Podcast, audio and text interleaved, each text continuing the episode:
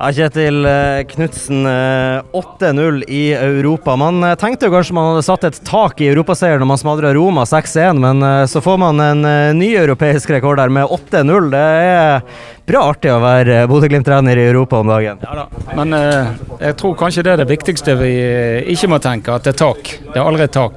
Det er en fin utfordring vi går inn i i dag. fordi at uh, veldig mange rundt oss var preget over at uh, det var et negativt resultat i Belfast. og så er vi opptatt av å søke utvikling og, og knekke koder. og vi så en del ting i emning mot Jerv, og det fortsetter vi i dag. Og så blir det en fantastisk fotballkamp. En fotballkamp som står i i forhold til det offensive som vi skal være i Glimt sitt DNA. Og så er det en fantastisk ramme på, på kampen der publikum er med å løfte laget. Så da får vi en ny sånn europacupkveld som ja, er helt rått å være med på. Apropos Jerv, 13-0 eh, på de to siste hjemmekampene. Dere gjør i hvert fall deres del for at folk skal ta turen til Aspmyra. Skal ikke stoppe underholdninga? Nei da, og det, det, har jo vært litt oss. Og vi har jo fått kritikk. og vi, rett i at, at ikke vi har vært gifte nok og det har ikke gått fort nok. og det, det, er jo ikke vanskelig å identifisere, men det er litt vanskelig å identifisere hvordan vi skal få det til å gå fortere. og Det, det er ganske nøysommelig arbeid. Eh, og så er det utrolig godt at spillerne får litt betalt for, for det arbeidet. og eh, da er, sånn, eh, da er, vi litt på sporet igjen. og eh, det er Fotball er mer komplisert enn folk tror. Det er ikke bare å si hva som er problemet. Det er, det er faktisk litt vanskeligere å gjøre det. Så, men vi har en veldig dedikert gruppe som drar eh, i samme retning og håndterer litt motgang. og Det tror jeg du trenger hvis du skal håndtere sånne kvelder som dette, og at du skal få sånne kvelder som dette. Så eh, jeg, eh, jeg er utrolig glad på vegne av, av spillerne, og eh, aller mest i dag. Og så må jeg stille sånne litt irriterende journalistspørsmål, for det er jo mye av det folk lurer på. Når man, man knuser det her laget 8-0 hjemme og har full kontroll fra start til slutt, skal vi selvfølgelig ta med at det er utvisning etter 20 minutter som har veldig mye å si i dag, men hvordan, allikevel da, hvordan klarer man å tape 0-1 borte mot et lag man er så overlegen mot på hjemmebane? Ja, men hvis uh, alle nå eh, tenker seg om i fem sekunder, eh, så er jo det ganske stor forskjell på de to lagene i bortekampen òg.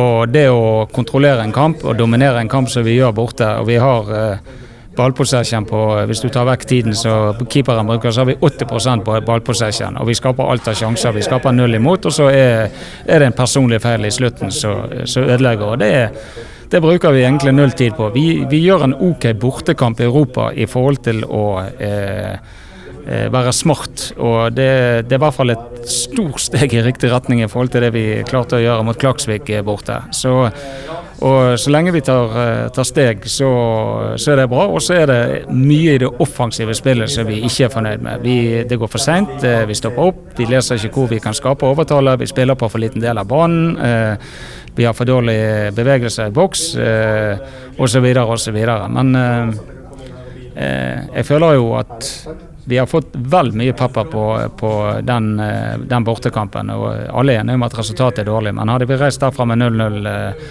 borte i Europa, så er vel det egentlig ganske ok. Og Så vet nå vi alle at det, det er nå liksom resultatet etter to kamper som avgjør om du kommer deg da videre. Så det, det er den forklaringen jeg har på det.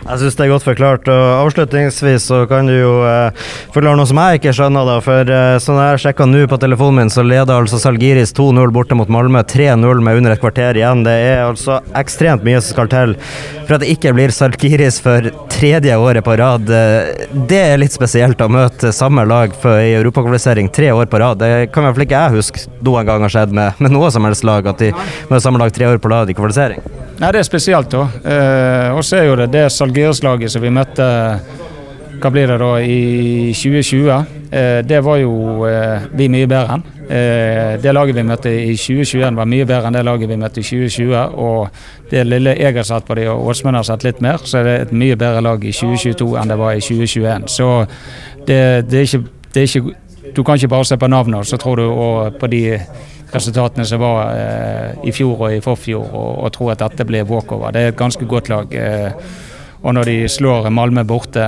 det, det, forteller litt om at det er et lag med kvaliteter. Så vi må bare Om vi måtte én gang eller ti ganger, det spiller ingen rolle. Det, det, er rett og slett å gjøre den jobben eh, og eh, fylle Aspmyra og gå ut i 100. og så eh, blir det, det blir en ny spennende utfordring, selv om det Salgiris for tredje gang. Vi har hørt det med gamle kjente, da.